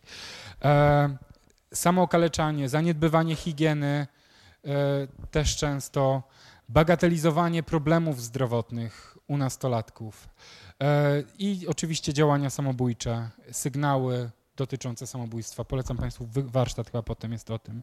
Samobójstwa są drugą po urazach śmierci, e, drugą po urazach przyczyną śmierci w tej grupie wiekowej 14-19 lat. Samobójstwa chodzą falami, dlatego na szczęście o, tych o tym media nie mówią, tak? No bo, bo samobójstwa, e, jak są rozgłaśniane, to cały czas mamy od dziesiątek lat, jak Państwo wiecie, działający efekt Wertera, tak, że ktoś popełnia samobójstwo, to jest ogłaszany, ogłaszany i za chwilę ktoś następny. Ja pamiętam, jak takie panie opowiadały mi historię z Pomorza, która się wydarzyła u nich w szkole i ona doskonale obrazuje tę sytuację, dlaczego nie powinno się nagłaśniać samobójstw. Mianowicie e, w jednym z liceów dziewczyna 16 e, czy 17-letnia wybiegała ze szkoły i potrącił ją śmiertelnie autobus zaraz przy szkole. I w tej szkole to była dziewczyna, która była bardzo lubiana, tam się udzielała w samorządzie i tak dalej. Był pogrzeb i tego dnia pogrzebu jeszcze w szkole urządzono taki memoriał dla tej dziewczyny, zdjęcia tej dziewczyny, filmy, jakieś slajdy, pamiątki, muzyka, świece, gitary i tak dalej, i tak dalej. Cudnie, nie? Dwa tygodnie później samobójstwo w tej szkole popełnił chłopiec, który się powiesił i wysłał maila e, chwilę przed samobójstwem, zarówno do rodziców, jak i do znajomych, jak i do pani dyrektor i do reszty. I w tym mailu była jedna bardzo dramatyczna e, tak wiadomość, mianowicie on, ten chłopiec chciał, żeby przynajmniej jednego wieczora tak o nim dobrze mówiono w tej szkole, jak mówiono o tej dziewczynie, kiedy ona się zabiła. To może być motywacją. Tak, tak działają mniej, mniej więcej, tak działają mniej więcej samobójstwa na nastolatków. To się napędza samo, bo to jest taki przekaz, zabij się, to cię wszyscy pokochamy, tak? I teraz jeśli mamy nastolatka, którego naprawdę nie lubią w szkole, który jest gnębiony i tak dalej, to w jego przeżyciu to będzie jakiś ratunek. Objawy charakterystyczne depresji nastolatków e, to rozdrażnienie, silna impulsywność, ale czym innym jest celowa przemoc wobec rodziny czy rówieśników oczywiście, tak? Nastolatek w depresji to jest moje spostrzeżenie, ale nastolatek w depresji to będzie nastolatek, tak jak powiedziałem, chamski i bezczelny, ale to nie będzie nastolatek przemocowy. To nie będzie nastolatek, który będzie bił. E, to będzie nastolatek chamski, bezczelny do opiekunów, rodziców, nauczycieli i tak dalej, ale to nie będzie nastolatek, który pobije nauczyciela. Przyczyny organiczne, oczywiście uwarunkowania biologiczne, w niektórych przypadkach niedostateczna aktywność obwodów neuronalnych w mózgu i tu odsyłam już do specjalistów, którzy się tym zajmują. Objawy mogą oczywiście poprzedzać rozwój poważnych chorób psychicznych, na przykład depresji dwubiegunowej czy schizofrenii, czyli mogą się w okresie dorastania pojawić objawy depresji, które w przyszłości okażą się poważniejszymi zaburzeniami psychicznymi. Predyspozycje oczywiście dzieci osób chorujących na depresję są kilkakrotnie bardziej narażone na jej występowanie.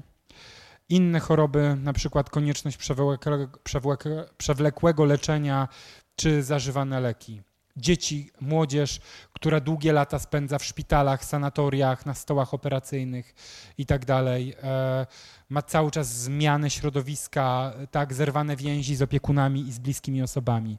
Czynniki psychologiczne, zaniedbywanie potrzeb emocjonalnych i fizycznych dziecka. Jak mówię potrzeb emocjonalnych dziecka, to jest na przykład potrzeby takiej, że jak w rodzinie jest śmierć, trauma, choroba, to się tym dzieckiem opiekujemy i rozmawiamy z nim o tym.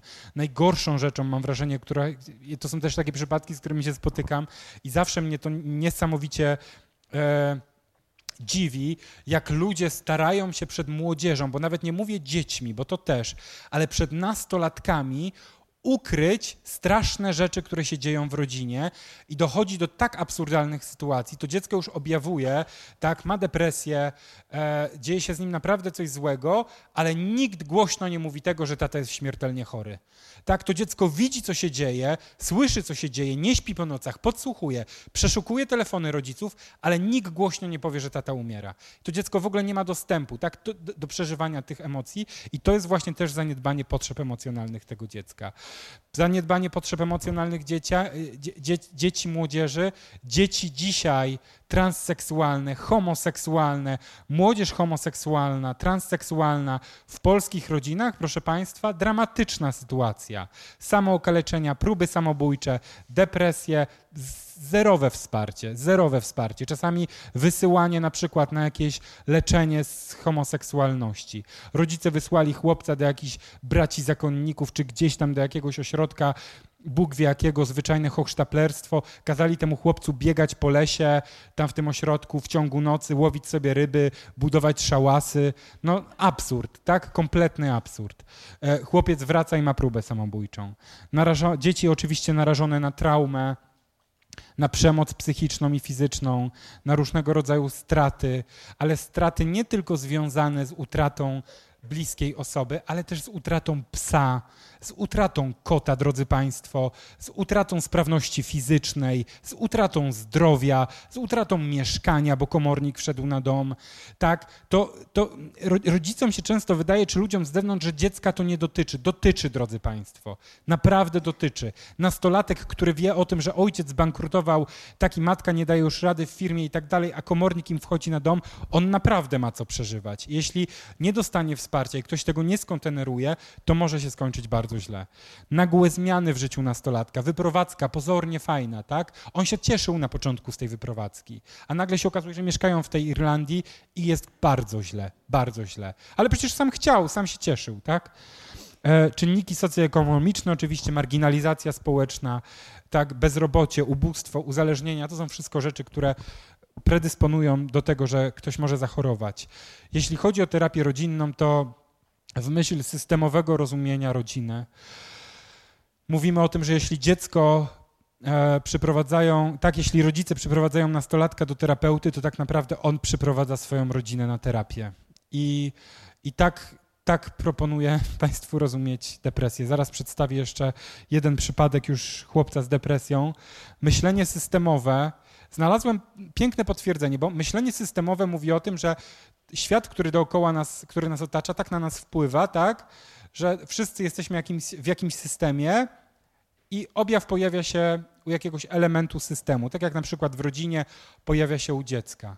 I profesor e, Hanna Jaklewicz z Uniwersytetu Gdańskiego, obok Jacka Bomby, jedna z największych specjalistek od e, depresji, okresu dorastania w Polsce, e, zrobiła badania, to był bodajże rok 2000. Im w tych badaniach wyszło, to było między innymi w województwie koszalińskim badali i odsetek depresyjności u dzieci w tym województwie w tamtym momencie przekraczał 50%.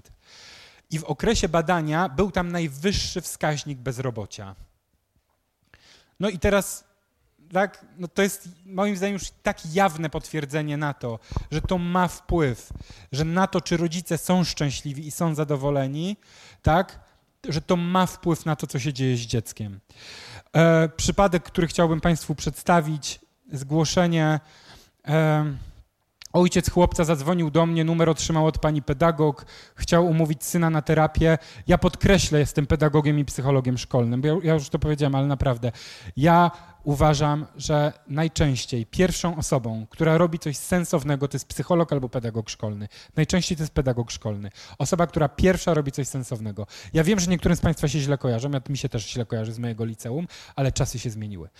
E, Powiedziałem, że na pierwszą konsultację w przypadku nastolatka zapraszam całą rodzinę, inaczej nie podejmuje się prowadzenia terapii czy w ogóle konsultacji. Pan powiedział OK, po przemyśleniu, tak, i umówił całą rodzinę na konsultację. Struktura rodziny, matka 44 lata, ojciec 46, córka 20 lat, studentka medycyny, syn 17 lat, uczeń liceum. Siadają od lewej matka, syn, córka, ojciec. Tak sobie siedzą, proszę sobie teraz wyobrazić, że tak siedzą. E, ważne wydarzenia w życiu rodziny. Wyprowadzka Marty, czyli córki, do mieszkania przyjaciółki w innej części miasta. Marta wyprowadziła się z domu. Śmierć córki owczarka niemieckiego, miała 16 lat. Chorowała na dysplazję, czyli zestawami było źle, tak? I w ostatnich latach trzeba ją było wnosić po schodach. Całą opiekę nad tym psem sprawowała matka. Ona wnosiła tego psa po schodach, ona się opiekowała. Ta matka podjęła decyzję, że nie będą usypiać tego psa wcześniej, bo ona podjęła się pełnej opieki nad tym psem, aż do momentu, kiedy rzeczywiście trzeba było tego psa uśpić. Pacjent identyfikowany to chłopiec w wieku 17 lat, uczeń drugiej klasy liceum, od sześciu miesięcy nie uczestniczy w treningach koszykówki, a wcześniej był zapalonym koszykarzem i bardzo dobrze mu szło. Nie wychodzi z domu, jeżeli nie ma takiej potrzeby. W ogóle nie, nie opuszczał domu. Tak, tak jak podobnie jak tamta dziewczyna. Chodził do szkoły, bo musiał, ale poza tym nie wychodził. E, rodzice zgłaszają rozdrażnienie chłopca, senność, brak apetytu, wszystkie, wszystkie e, symptomy depresji. W dzieciństwie chłopiec był bardzo silnie emocjonalnie związany z mamą. E, nawet była taka sytuacja, że jak opowiadali, do e, bodajże szóstego czy siódmego roku życia. Ten chłopiec miał duże, duże lęki w nocy i moczył się w nocy i tak dalej, więc tata spał w sypialni tego chłopca, a chłopiec spał z mamą w sypialni rodziców. To wcale nie jest takie rzadkie, jak Państwo wiecie. E, obecnie chłopiec bardzo agresywny w stosunku do ojca. Objaw, tak, była diagnoza psychiatryczna, skierowanie na terapię, e, w dalszej diagnostyce włączenie terapii farmakologicznej, ale przez to, że e, przez to, że ten chłopiec trafił do fajnego psychiatry, e, jak Państwo wiecie, niektórzy psychiatrzy mają tendencję do zbyt wczesnego zbyt wczesnego włączania farmakologii w przypadku nastolatków. Na szczęście to jest jeszcze tak zwana stara psychiatria i stara tak stare myślenie, ale niestety cały czas się z tym spotykamy. I naprawdę, proszę Państwa, no to sytuacja z zeszłego roku, e, matka e, dziewczynki z mojej rodziny spotkała się z tym, że lekarz dziewczynce, która miała takie objawy, że jadła e, tynk ze ściany i różne takie nerwicowe też rzeczy miała i tak dalej, no generalnie psychiatra przepisał jej Xanax proszę Państwa, Xanax. Dziecku, które miało 5 czy 6 lat, Xanax przepisać. Tak? Ale to się dzieje naprawdę bardzo, bardzo, bardzo, bardzo rzadko, żeby to nie było tak, że wszyscy psychiatrzy. Absolutnie nie. Ale w każdym razie ten psychiatra skierował też na terapię. Nasza hipoteza, tak, bo my się wtedy zastanawiamy, co się takiego dzieje, że ten objaw jest potrzebny tej rodzinie. Czyli co się takiego dzieje, że ten chłopiec musi mieć depresję. Nasza hipoteza, chłopiec silnie związany z matką, czyli ma trudności w separacji i nawiązaniu dojrzałych relacji z rówieśnikami. Bardzo silna relacja z matką tego chłopca, mówimy fuzja. Dlatego w pracy podkreślaliśmy samodzielność chłopca, jego stawanie się mężczyzną i potrzebę tego, że on jednak się powinien separować, że dobrze jest, żeby on się separował i że tak odwoływaliśmy się do wspomnień z okresu dojrzewania córki, do wspomnień z okresu dojrzewania rodziców, jak to było, kiedy oni się uniezależniali. Czyli jest tak silna fuzja z matką, że ten chłopiec nie ma siły e, tak się odseparować. Hipoteza druga, ojciec mało dostępny psychicznie i fizycznie, co jest źródłem frustracji syna i ogranicza jego modelowanie męskich zachowań. Ten ojciec pracował, proszę Państwa, 7 dni czy 6 dni w tygodniu, prawie w ogóle nie bywał w domu i w ogóle nie zajmował się tymi dziećmi ze względu na to, że rzeczywiście zarabiał na wygodę tych dzieci, tak? Więc nasza praca była nastawiona na zwiększenie kontaktu ojca z synem poprzez wspólne zajęcia i zainteresowania. E, hipoteza trzecia, niedostępność ojca wzbudza poczucie bycia mało ważnym dla niego, dla, tak, dla syna. Frustracja, potrzeby bliskości, akceptacja ze strony ojca budzi zachowania agresywne, czyli ten chłopiec potrzebował swojego ojca, no bo 18 lat chłopak, ma ojca, ten ojciec jest mu, nie będę tutaj mówił o psychologii rozwojowej, nie trzeba być psychologiem tak rozwojowym, żeby wiedzieć, ojciec tak jak matka są nam potrzebni. Jak nie ma, to trudno, bo niektórzy z, was, z nas nie mają, nie mieli, tak? Ale jak jest, to jest potrzebny. E, tak, frustracja, czyli niespełnienie tej potrzeby tego chłopca, bliskości z ojcem, powodowała to, że ten chłopiec zaczął być rzeczywiście agresywny do niego. Poza tym zagarnięcie żony przez syna budzi agresywną postawę ojca. Tam był też konflikt edypalny. Pamiętajcie, drodzy Państwo, że ten syn do siódmego roku spał z matką w jednym łóżku. Ten ojciec, świadomie lub nie, ale miał go za co nie lubić, nie? Trochę mu żonę zabrał. E, można się pytać, no, czy to nie było w jego interesie, ale jakby nie było, zabrał. Hipoteza czwarta. Słaby podsystem rodzicielski spowodował w tak zwane wtriangulowanie chłopca w relacje rodziców. Już powiem o co chodzi, zaraz jeszcze przy następnych hipotezach. Wyprowadzka córki, śmierć ukochanego psa, zbliżająca się matura i plany podjęcia studiów przez chłopaka przybliżają rodziców do, pazy, do fazy pustego gniazda. Czyli patrzcie Państwo, jak spojrzymy na tę całą rodzinę, to mamy tak. Nastolatka wyprowadziła się z domu. Nastolatek za chwilę wyprowadzi się z domu na studia. Pies, którym było się cały czas trzeba zajmować, zmarł. W moich kategoriach psy umierają, nie zdychają. Bo zawsze mam psy, Państwo też niektórzy macie, więc wiecie o co mi chodzi. Więc nagle się okazuje, że ci rodzice, którzy przez lata za, tak naprawdę nie dbali o swoją relację, on pracował, ona zajmowała się dziećmi, właściwie już razem nie sypiali i tak i tak dalej. Nagle te dzieci wyszły z domu, pies umiera i oni zostają sami ze sobą.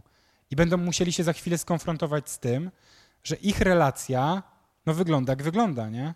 Pozwolili na to, żeby tam no, trochę wiatr hulał. Słaby podsystem rodzicielski, czyli właśnie ten, może nie wytrzymać tak dużej zmiany i rozpaść się, bo oni nie mają, tak, nie mają silnej relacji, ci rodzice, ten podsystem rodzicielski jest słaby e, i dlatego funkcją objawu, czyli depresji u tego chłopca jest utrzymywanie status quo. I podobnie znowu, objaw ma charakter regresywny, tak? Czyli chłopiec wymaga opieki, czyli mamy znowu 18-letni chłopak, który leży w pokoju, nie wychodzi z domu, źle się czuje, nie wychodzi do znajomych, nie gra w koszykówkę i tak dalej, i tak dalej. Mama ma się kim zajmować, bo pies już nie żyje, tak? Mamy małego chłopca w domu i dalej trwa ten system taki, jaki trwał, bez żadnej zmiany. Tak? Na tym polega teoria systemowa. Tak, tak my to rozumiemy. To jest system, który dąży do tego, żeby zachować swoją homeostazę, żeby zachować to, jak jest. Czyli w momencie, kiedy ten chłopiec miałby tyle siły i agresji, takiej pozytywnej agresji, żeby się jednak odseparować z domu, to by się okazało, że ci rodzice zostają sami, a ich małżeństwo nie jest już tak atrakcyjne, jak było kiedyś.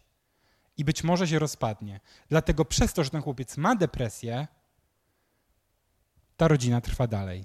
Dlatego praca w tym przypadku wcale nie polega na tym, żeby leczyć objawy tego chłopca w terapii rodzinnej, tylko na tym, żeby wzmacniać i próbować wprowadzić zmiany w ten system rodzinny, żeby ten system nie potrzebował tego objawu, żeby dał temu chłopcu spokój, trochę mówiąc tymi takimi już zupełnie to upraszczając, tak? E, czy Państwo to rozumiecie, co ja mówię? Tak? Cieszę się. E, I e, tak, tak powtarzam, tak myślimy systemowo, jakkolwiek jakkolwiek. W tym przypadku nie było takiej, ja już zaraz kończę, bo wiem, że godzina już jest ta, w tym przypadku nie było takiej potrzeby, ale jakkolwiek praca indywidualna z tym chłopcem, jak najbardziej. Psychodynamiczna czy poznawczo-behawioralna, w zależności od tego, jak terapeuta pracuje. Zaburzenia zdrowia psychicznego, to już muszę tutaj kończyć, ale co pomaga, proszę Państwa? Przede wszystkim bliskość, akceptująca, wspierająca postawa, cierpliwość, wyrozumiałość, zmniejszanie poczucia winy za niepowodzenia. Jeśli mamy nastolatka w depresji, proszę Państwa, to to, jaką on będzie miał wynik na maturze, jest kompletnie nieważne. Znaczy, naprawdę dziecko powinno. Na... Oczywiście trzeba wyważyć to, dlatego trzeba, trzeba, trzeba diagnozować ze specjalistą, tak? Powiedzenie dziecku: nie martw się. Jak nie zdasz matury, to jej po prostu nie zdasz. Zdasz za rok albo za dwa lata, tak?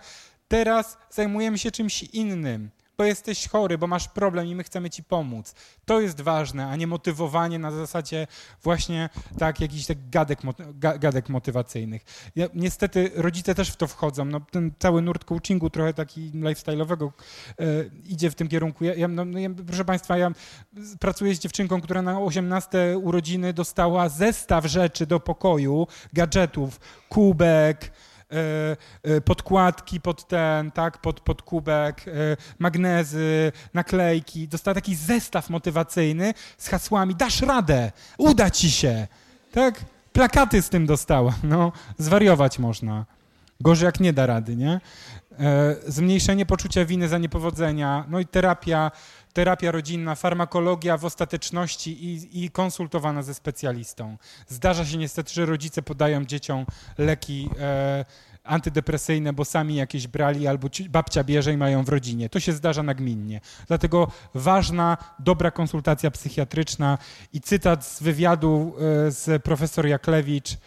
Najważniejsze dla budowania stabilnej, zdrowej psychiki są związki z najbliższymi budowane od niemowlęctwa. Poczucie bliskości i wsparcie, jakie dają człowiekowi zdrowa rodzina, powoduje, że ma szansę wyjść obronną ręką z późniejszych mandrów życia. Pierwsze, pierwsze relacje, które mamy z naszymi rodzicami i z bliskimi obiektami, to jakby jak my jesteśmy e, wspierani w naszym rozwoju, są najbardziej kluczowymi rzeczami w naszym życiu. Wtedy się tworzy matryca.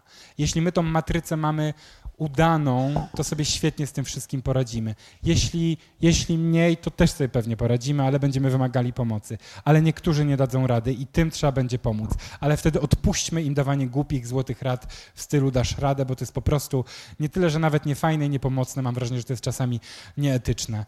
Eee, ja muszę kończyć, bo już bo wiem, że przekroczyłem czas. Jeśli Państwo by chcieli coś, jakiś komentarz do mnie czy coś, to ja tu jestem i zapraszam. Dziękuję bardzo. Dziękuję bardzo.